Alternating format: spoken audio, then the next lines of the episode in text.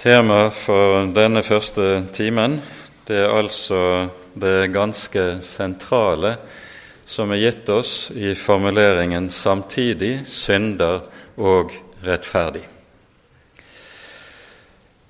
Dette er et uttrykk som anvendes av Luther selv.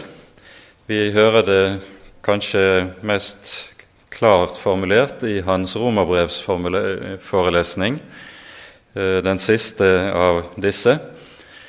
Men eh, lignende formuleringer har vi også i, eh, både i eh, hans forelesning, store forelesningsserie over Galaterbrevet, og også i eh, kampskriftet mot Latomus på, tidlig på 1520-tallet. Og selve formuleringen 'samtidig synder og rettferdig' Det griper noe av det helt sentrale ved det å leve som et kristent menneske her i tiden. Det er en eksistens som er tvetydig, og som bare kan formuleres ved hjelp av et slikt paradoks som denne setningen innebærer. Den henger uløselig sammen med det som er det grunnleggende i den reformatoriske oppdagelsen, læren om rettferdiggjørelsen. I Romerbrevets fjerde kapittel skriver apostelen den som ikke har gjerninger, men tror på Ham som rettferdiggjør den ugudelige, han får sin tro tilregnet som rettferdighet. Her beskrives rettferdiggjørelsen meget eh, spissformulert. Det er en rettferdighet som skjenkes den ugudelige, uten at han på noe vis har noe å bidra med til å betale med eller til gjengjeld. Den som ikke har gjerninger, han tilregnes hans tro til rettferdighet. Og så møter vi helt sentrale verb i dette verset, først og fremst verbet 'tilregning'. For poenget her er, og her møter vi et annet uttrykk som Luther ynder å anvende, det er at den rettferdighet som en kristen får del i ved troen, det er en fremmed rettferdighet. Justitia aliena.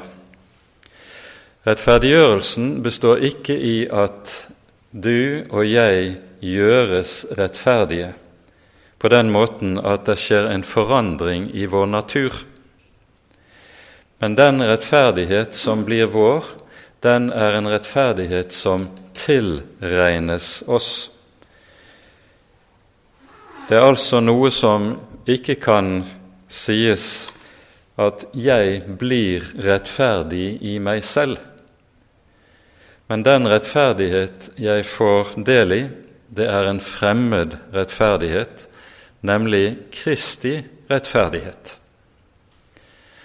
Dette er klarest formulert i vår bibel i den Messias-profeti som vi finner hos Jeremias i det 23. kapittelet, der det sies om den kommende frelser dette er det navn han skal kalles med, Herren vår rettferdighet.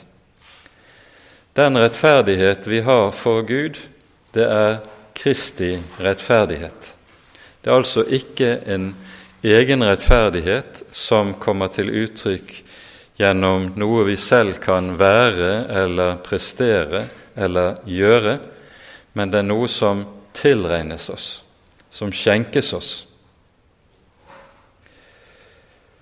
Når uh, uttrykket anvendes at det ikke innebærer en forandring av min natur, så er det altså slik at ordet 'tilregning' blir helt sentralt. Og på bakgrunn av dette så har man anvendt begrepet innenfor luthersk teologi Man taler om en forensisk rettferdighet.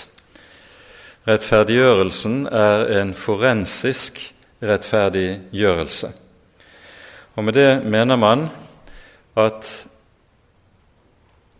det eh, begrepet rettferdiggjørelse det er noe som er hentet fra eh, rettssalens språkbruk.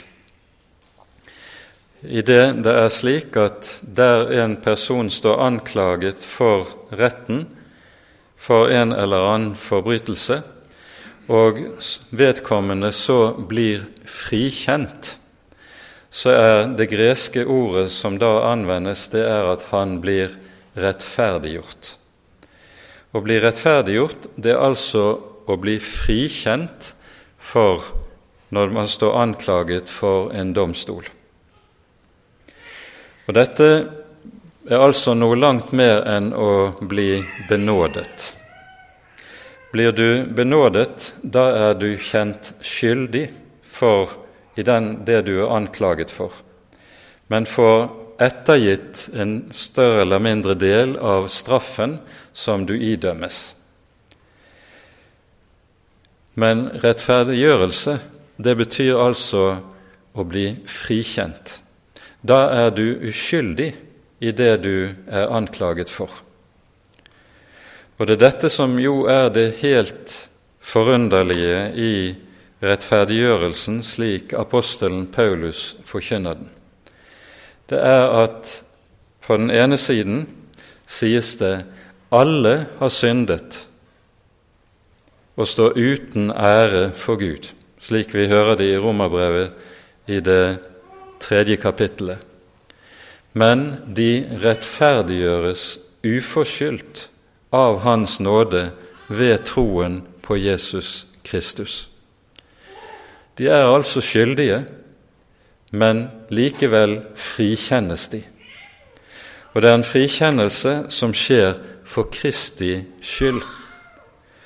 En frikjennelse som henger sammen med at det er en annen som har gått i vårt sted, som har tatt på seg den dom som du og jeg var skyldig til å bære, nemlig Guds vrede over alle mine synder. Den har Kristus båret. Han har tatt den på seg tatt synden på seg og båret dommen på korset.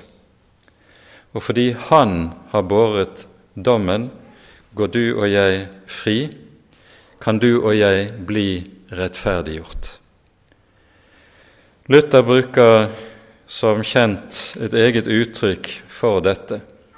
Han taler om det salige byttet, der det er slik at Guds sønn tar vår synd og rekker oss sin syndfrihet.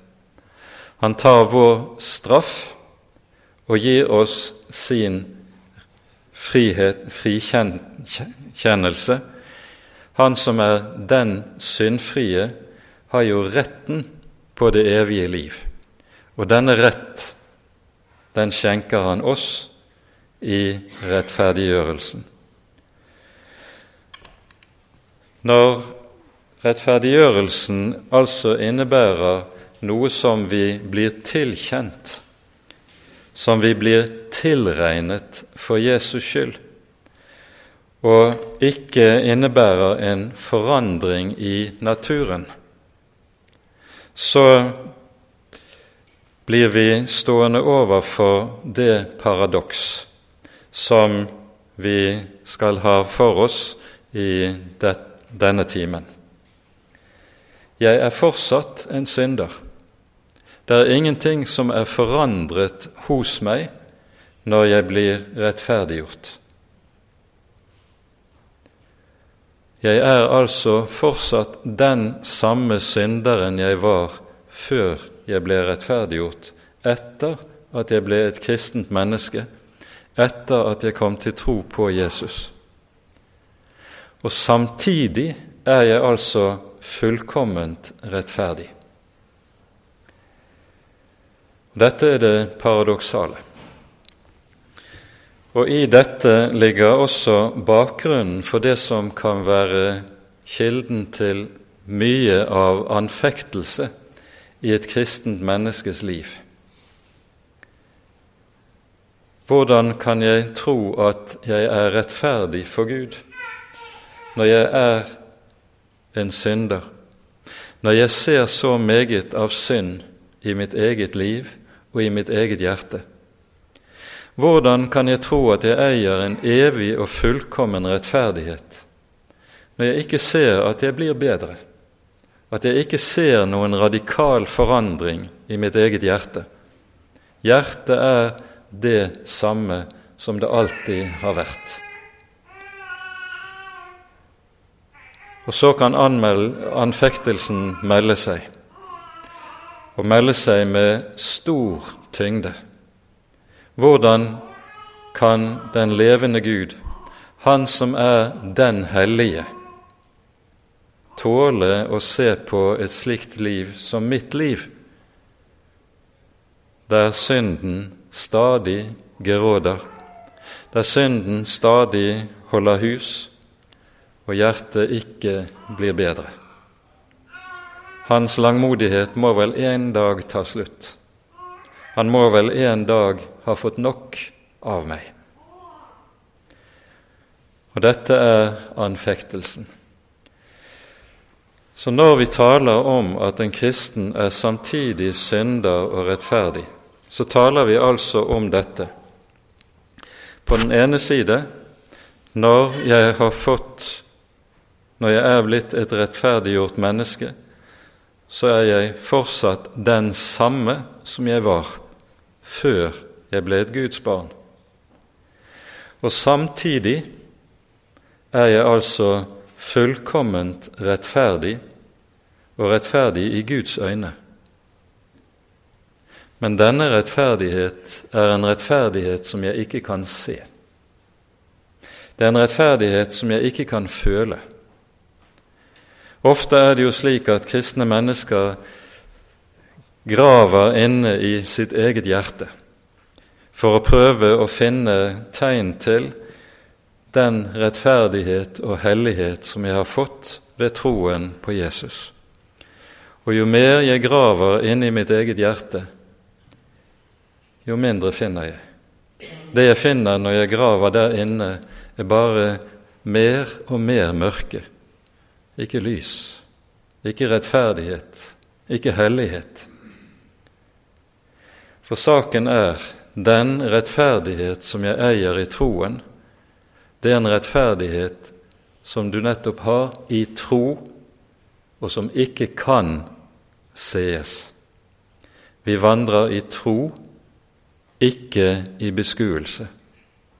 Tro er overbevisning om det som håpes, full visshet om det som ikke sees. Og Dette siste verset fra Hebreabrevets ellevte kapittel det er jo et av Luthers yndlingsbibelord. Det sier han selv ved flere anledninger. Rettferdigheten er en rettferdighet som ikke kan sees, som du ikke kan erfare og kjenne i ditt eget hjerte, men som må tros ene og alene på det ord som Gud har forkynt deg om sin sønn. Han har pekt på sin sønn, vitnet om ham og sagt:" I denne min sønn har du det evige liv. Du har det ikke i deg selv. I denne min sønn har du en fullkommen rettferdighet, men du har det ikke i deg selv. I denne min sønn eier du liv, håp, trøst og fred, men ikke i deg selv. Og så er det at troen får rom. For troen finnes nettopp der hvor det som skal tros, ikke sees. Derfor er det slik at det vi her taler om når vi taler om samtidig synder og rettferdig, det er slik at da taler vi også om troen og troens betydning i et kristent menneskes liv. Nå er det en sak som er viktig å være klar over når vi taler, bruker dette uttrykket 'samtidig synder og rettferdig'. Og Det er det som eh, man i teologien kaller for totus homo-perspektivet. Det er eh, av og til utlagt slik, nemlig, at samtidig synder og rettferdig, det betyr at man er delvis synder og delvis rettferdig. At det på en måte er en sånn halvpart som er av meg, så er det ene, og den annen halvpart er det andre. Og så skal, i tråd med dette, helliggjørelsen innebære at uh, det blir mindre og mindre av uh, den syndige delen i mitt hjerte, og mer og mer av den hellige delen i meg. Sånn er det ikke. I stedet er saken den at jeg er to personer. Hele meg er synder. Med ånd, sjel og legeme, med vilje, følelse og intellekt. Alt er under syndens herredømme hva angår det gamle mennesket. Og samtidig er hele meg også et nytt menneske. En kristen er to personer på en og samme tid.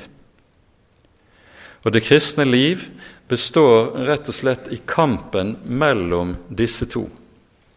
En kamp som ikke noen gang kommer til å handle om at det skal bli mindre og mindre av den syndige delen av meg, for det blir det ikke.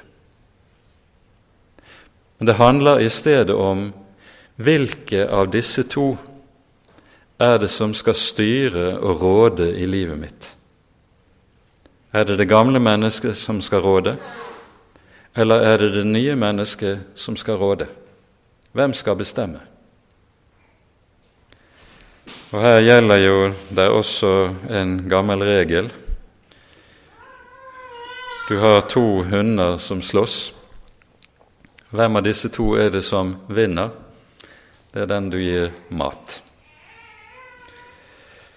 Sånn er det også i denne åndelige kamp. Det nye mennesket, det lever ved den næring det får. Den næring som det får gjennom å høre og lytte til evangeliet som er gitt oss om Herren Jesus. Evangeliet er derfor noe som et kristent menneske aldri kan bli ferdig med. For det er det daglige brød som en kristen trenger for å leve, for å ha det han behøver i striden. Det gamle mennesket skal ha minst mulig næring. Og Her står vi vel overfor noe av det som ofte kan være litt av et problem i vårt moderne mediesamfunn der skjermene som omgir oss, og som vi stadig anvender, serverer gamle Adam rikelig med næring. Vi behøver ikke å si veldig mye om det, der vet alle hva vi taler om i denne sammenheng. Men det som altså er viktig å være klar over, er dette grunnleggende perspektivet at når du taler om gammelt og nytt menneske, så taler du om to fullstendige personer.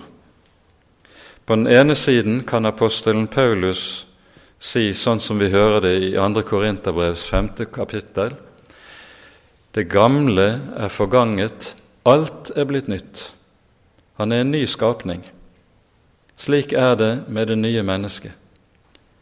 Og samtidig bærer han det gamle mennesket i seg, slik som vi hører det i Romerbrevets syvende kapittel. Og Det er et avsnitt vi må bruke tid på i kveld. Vi leser fra Romerbrevet kapittel 7, fra vers 14 og utover. Vi vet at loven er åndelig.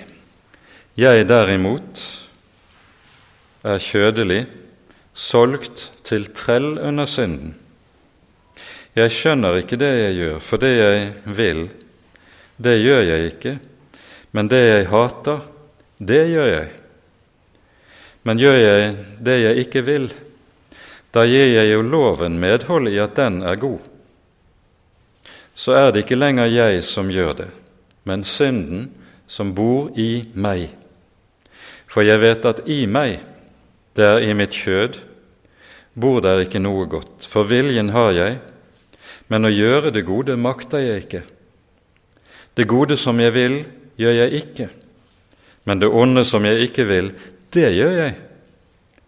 Men gjør jeg det jeg ikke vil, da er det ikke lenger jeg som gjør det, men synden som bor i meg. Jeg finner altså den lov for meg, jeg som vil gjøre det gode, at det onde ligger meg for hånden. For etter mitt indre menneske slutter jeg meg med glede til Guds lov.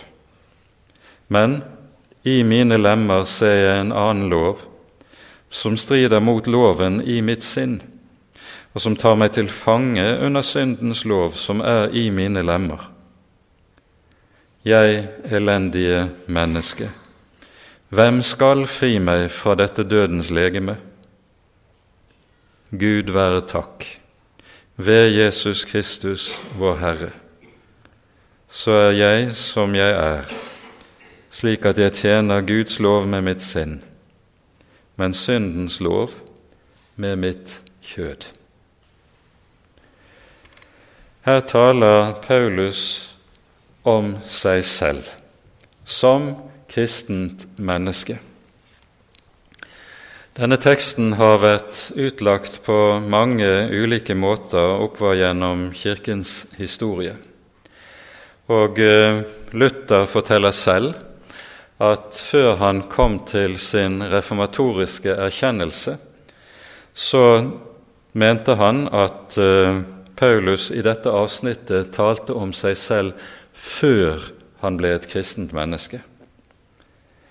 Men i eh, erfaringen av og i det han lærer troens rettferdighet å kjenne, så skjønner han etter hvert at det Paulus her taler om, det er nettopp om sin eksistens som et troende kristent menneske. Han ser og erfarer syndens makt og herredømme i sitt eget liv. Det som er viktig å merke seg i denne teksten, er dette 'jeg' som vi hører Paulus eh, tale om. Han sier 'viljen har jeg', det gode som jeg vil. Og så sies det på ny og på ny at han etter sitt indre menneske har lyst til Guds lov. Det jeg som slik taler, det er det nye mennesket. Det gamle mennesket har ikke lyst til Guds lov. Det gamle mennesket er kjennetegnet av noe helt annet. For det er nettopp slik at det er et kjennetegn på den nye fødsel at mens det gamle mennesket hater Guds hellige lov,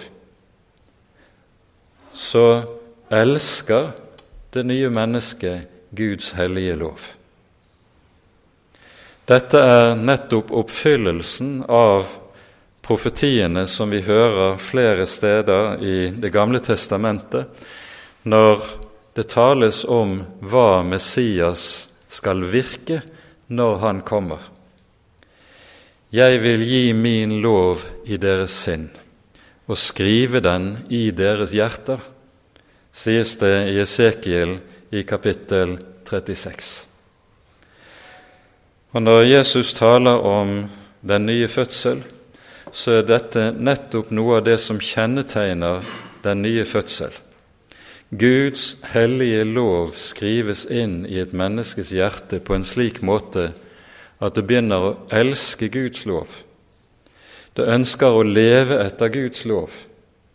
Det ønsker å innrette livet etter Guds lov. Men opplever altså at det er en annen lov i sine lemmer. En annen lov som drar meg inn i synden, tar meg til fange under syndens lov, som Paulus skriver det. Og så er kampen der. For dette er nettopp det som er et kristent menneskes erfaring. En vil så gjerne leve etter Guds hellige vilje, men en får det ikke til. For mange år tilbake var det her i Bergen en bibeltimeserie som bar tittelen 'Er det normalt å mislykkes som kristen?' Bibeltimeholderen svarte bekreftende på det, nettopp med utgangspunkt i Romerbrevets syvende kapittel. Når et menneske er kommet til tro og er ny som kristen, så vil det alltid være slik at da tenker en at nå, nå skal livet bli annerledes. Ofte er det å komme til troen ledsaget av en sterk opplevelse av at alt er blitt nytt, og nå skal også veien og livet og alt bli annerledes fremover. Men så går tiden, så går årene. Så oppdager en med større og større skuffelse jeg er jo ikke blitt annerledes. Jeg har den samme synd boende i mitt eget liv og i mitt eget hjerte.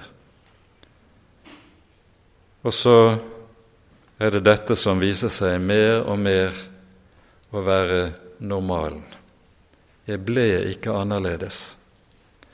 Jeg elendige menneske. Hvem skal fri meg fra dette dødens legeme? bryter apostelen Paulus ut. Gud være takk ved Jesus Kristus, vår Herre, kommer det. Og med det peker Paulus på dette som er det ene og avgjørende for oss. Nettopp på grunn av syndens virkelighet i et kristent menneskes liv og hjerte, så kastes vi tilbake på ny og på ny på evangeliet og på avhengigheten av evangeliet. Det er noe som du aldri kan bli ferdig med, nettopp fordi du aldri blir ferdig med synden i ditt eget liv og i ditt eget hjerte. Synden er der stadig, og derfor trenger du stadig på ny evangeliet. I første Johannes brev skriver apostelen i det andre kapittelet slik.: Mine elskede, dette har jeg skrevet til dere for at dere ikke skal synde. Men dersom noen synder, da har vi en talsmann hos Faderen, Jesus Kristus den rettferdige, og han er en soning for våre synder. Ja, ikke bare for våre, men òg for hele verdens. Gud være takk ved Jesus Kristus. Der er en som er trofast og som ikke er overrasket over at det ikke blir annerledes med meg, som ikke er forbauset over at jeg stadig er den samme og stadig, etter 40 eller 50 år som et kristent menneske, sliter med de samme synder som jeg gjorde da jeg var ung. Han er ikke overrasket, selv om jeg av og til kan være det for han vet hvem han døde for. Han visste hva han gjorde da han tok opp korset. Han visste hvem du var. Han visste om all synd i ditt liv. Det lumreste og mørkeste avkrokene i ditt hjerte. Han kjente det alt sammen. Han visste om hvorledes synden henger fast ved deg. Og han sa til sin Fader før han trådte inn i verden, jeg er villig til å ta det. Jeg er villig til å ta det alt sammen uten unntak. Jeg bærer det. Og så bar han det opp på korset, hele tyngden av det, inntil han ble knust under byrden. Gud være takk. Ved Jesus Kristus er det apostelen sier, og vet hva han dermed holder frem. Det er en som kom for å være synderes venn, og han slutter ikke med å være det. Slik er det å være samtidig synder og rettferdig. Samtidig er det også slik at det som vi har pekt på, dette at det nye mennesket i prinsippet er noe som er skjult, som ikke kan sees. Det har det med seg også at det skal overgis til døden. Det nye mennesket står for Gud og så skal det gamle mennesket legges i graven. Begynnelsen på dette var da du ble døpt. Da ble du begravet med Kristus, og gamle, etter at ditt gamle menneske var korsfestet sammen med ham. Og sammen med Kristus ble du oppreist fra de døde for at et nytt menneske skal leve. Når Luther taler om dette, så sier han at dåpen den er nok fort overstått. Men det dåpen handler om, det varer hele livet. Nemlig at gamle Adam skal druknes og dø. Til dette har Gud ulike redskaper og ulike midler. Og noe av de viktigste midlene Gud anvender til å døde og korsfeste gamle Adam, det gamle mennesket, med, det er det vi står oppe i i vårt daglige kall her i verden. I ekteskap og familieliv, i arbeid og i tjeneste. Der møter du alle hånde fortredeligheter og vanskeligheter dette er Guds redskaper og Guds midler, der han skal arbeide nettopp på å korsfeste ditt gamle menneske. Du opplever kanskje vansker i hjem og ekteskap, sykdom, smerte, død. Og nettopp disse vansker tar Gud i sin hånd for at gamle Adam også skal dødes og korsfestes. Gud vet å anvende alle ting i livet nettopp med tanke på at det gamle mennesket ikke skal få lov til å utbre seg, men få lov til i stedet å gravlegges under rikelig med jord. Paulus skriver om dette når han taler om alle de kamper og all den strid og motgang troens menneske må oppleve. Derfor mister vi ikke motet. For selv om vårt ytre menneske går til grunne, så fornyes det indre dag for dag. For vår trengsel er kortvarig og lett og virker for oss en evig fylde av herlighet i overmål på overmål, ettersom vi ikke har det synlige for øyet, men det usynlige. For det synlige varer en kort stund, men det usynlige er evig.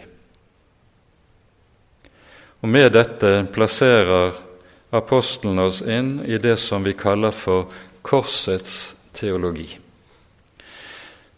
Det at Gud legger korset inn over oss og over våre liv, nettopp med tanke på at gamle Adam ikke skal ha livsvilkår, men stadig få lov til å oppleve så mye smerte at han daglig dør.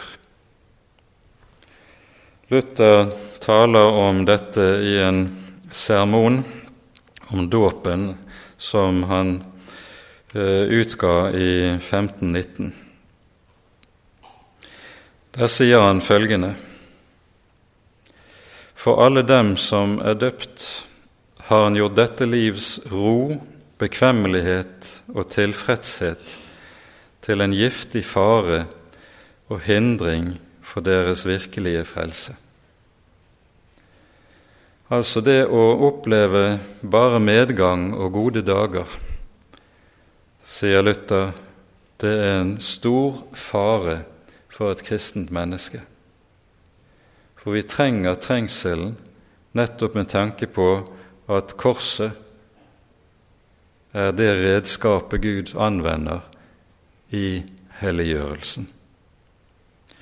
Og Derfor sier han i samme preken den som blir døpt, blir dømt til døden. Der vi ikke lider og blir oppøvet, der der overvinner den ånde natur mennesket, slik at dåpen blir det til ingen nytte. Dette er de vilkår som vi står under her i verden når vi lever som to personer, som gammelt og nytt menneske. Og Derfor er det vi kaller for korsets teologi, noe som er helt sentralt i hele Luther sin måte å tenke om det kristne livet på. Korsteologien står der jo i motsetning til det som kalles for herlighetens teologi. Det er rett som det er at du kan høre mennesker tale om at bare du kommer til tro på Jesus, så vil Gud velsigne deg og rydde unna alle hånde vanskeligheter. Da skal du ikke være syk. Da skal du opp, ikke oppleve nød og vansker. Jeg opp, hadde en ungdom som for mange år tilbake som kom inn i en slik menighet. Og hun hadde fått høre fra sin pastor Gud er god, og han vil at vi skal ha det godt. Ja, han vil at vi skal ha det godt når vi har nådd målet. Men vi får det bare godt dersom vi bærer korset her i verden. For gamle Adam er slik at dersom han ikke legges under korset, så tar han meget raskt makten og herredømmet over oss. Og da står vi i fare for å miste alt hva Jesus har gjort for at vi skal bli frelst. Korsteologien handler derfor om dette grunnleggende at Gud tar smerte, lidelse og trengsel i sin hånd og bruker det som redskaper til vår frelse, til å døde det gamle mennesket, for at det nye mennesket skal få rom å få leve. Da må vi ta oss tid til å lese noen vers fra Hebreabrevets tolvte kapittel.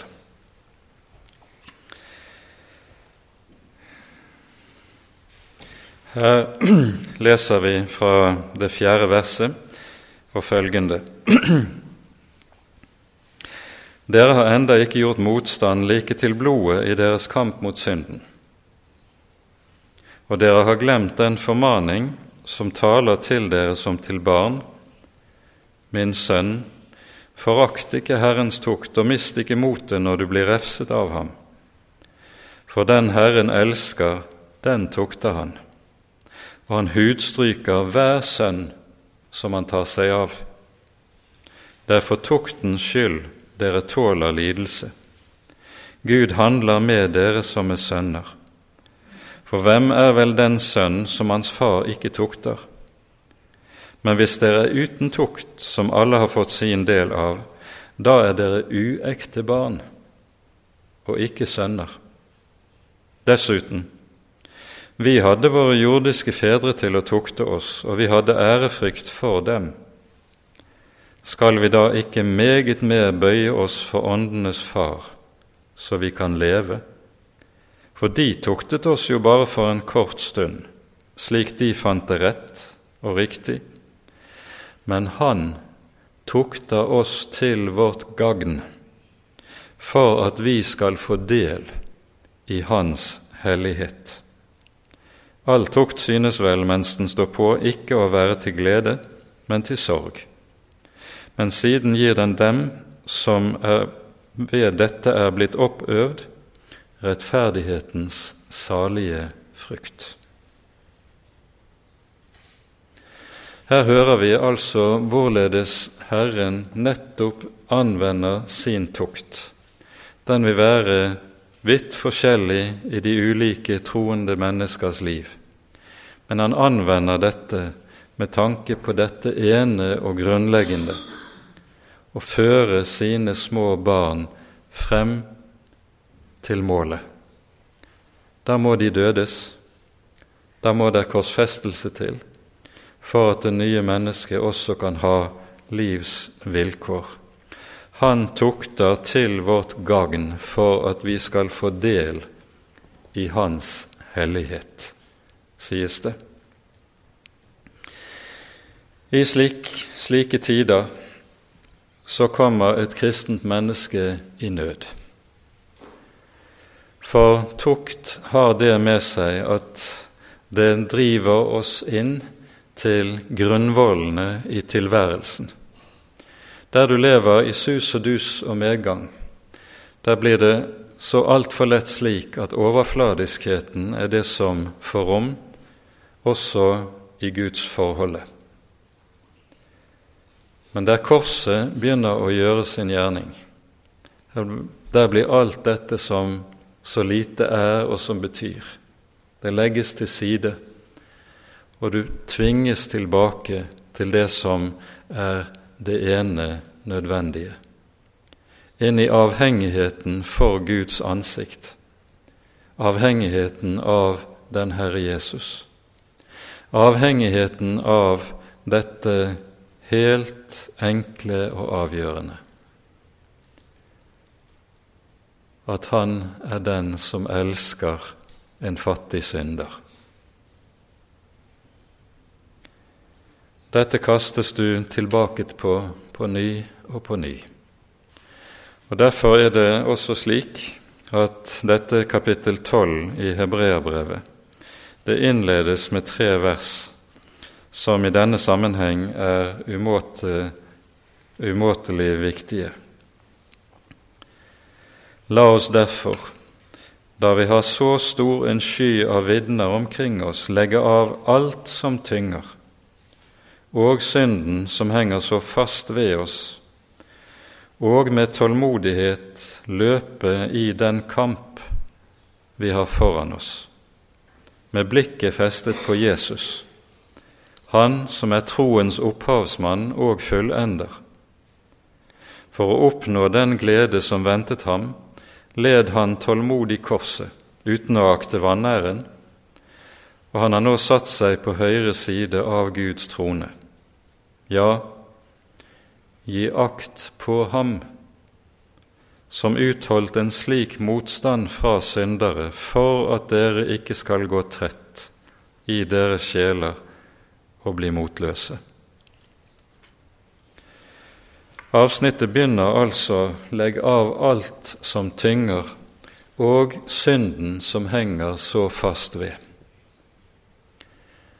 Det er noe du bare kan gjøre ved korset. Det er ingen andre steder synden kan legges av enn ved korset. Og Derfor sies det i det dere ser på troens opphavsmann og fullender. For det er kampen. I det dere, sies det, med tålmodighet løper i den kamp vi har foran oss. Kampen består nettopp i dette å få lov til å ha blikket festet der det skal være festet. Vi lar det så altfor lett festes ved de mange andre ting. De mange andre ting som ikke kan hjelpe, og som slett ikke duger når det er tale om hva som virker til helliggjørelse. Ja, gi akt på ham, sies det, så skal dere ikke gå trett og bli motløse i deres sjeler. Når blir en kristen motløs? Det gjør han når han i stedet for å se på Jesus vender blikket inn i sitt eget hjerte. Da er det grunn til motløshet. For der inne ser jeg ikke noe som kan gi grunnlag for at, å tro at Gud vil ha med meg å gjøre. Da blir en kristen motløs. Når blir en kristen trett? Når han i stedet for å ha blikket festet på Jesus, fanges, la oppmerksomheten fanges av de ulike vansker det er akkurat som når Peter skulle gå på vannet. Vi hører han sier til Jesus, 'Er det deg, Herre, da la meg komme ut til deg på vannet.'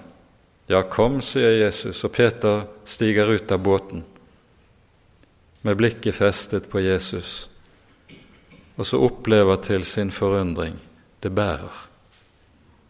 Men så står det da han så det hårde vær, begynte han å synke. Blikket var ikke lenger festet på Jesus. Men han begynner å, liksom å sanse seg. Hva er det jeg gjør?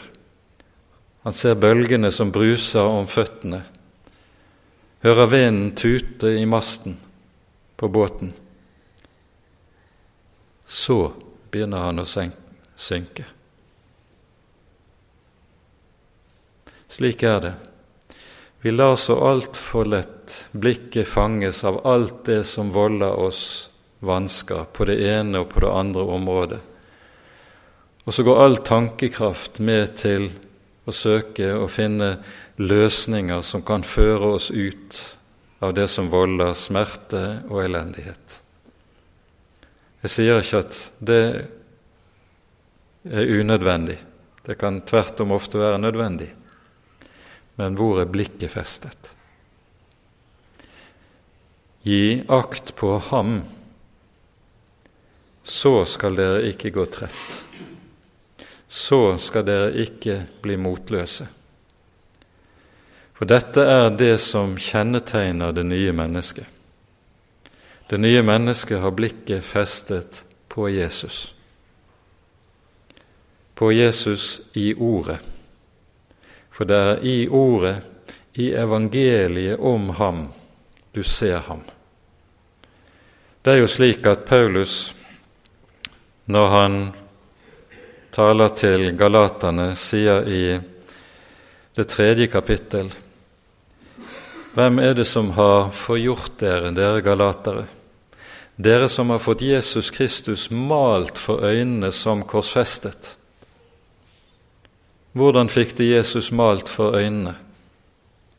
Jo, ved forkynnelsen av evangeliet. Der så de ham. De fikk øye på Jesus, og ved det skapes det tro. Ved det fødes det nye livet. Ved det skapes det evige livs håp. Og dette er det som bevarer et kristent menneske gjennom kampen som vi er satt i her i verden. Gammelt og nytt menneske står der side om side. Gammelt og menneske står hverandre imot så lenge vi lever her i verden. Det gamle mennesket skal og må dødes og drepes for at det nye mennesket skal kunne nå målet. Men i hele denne kamp handler det om én grunnleggende ting med blikket festet på Jesus. For han er troens opphavsmann og fullender. Han er ikke bare troens opphavsmann, og så skal du og jeg fullende. Nei, han er også troens fullender. Ære være Faderen og Sønnen og Den hellige ånd, som var og er og være skal, en sann Gud, høylovet i evighet. Amen.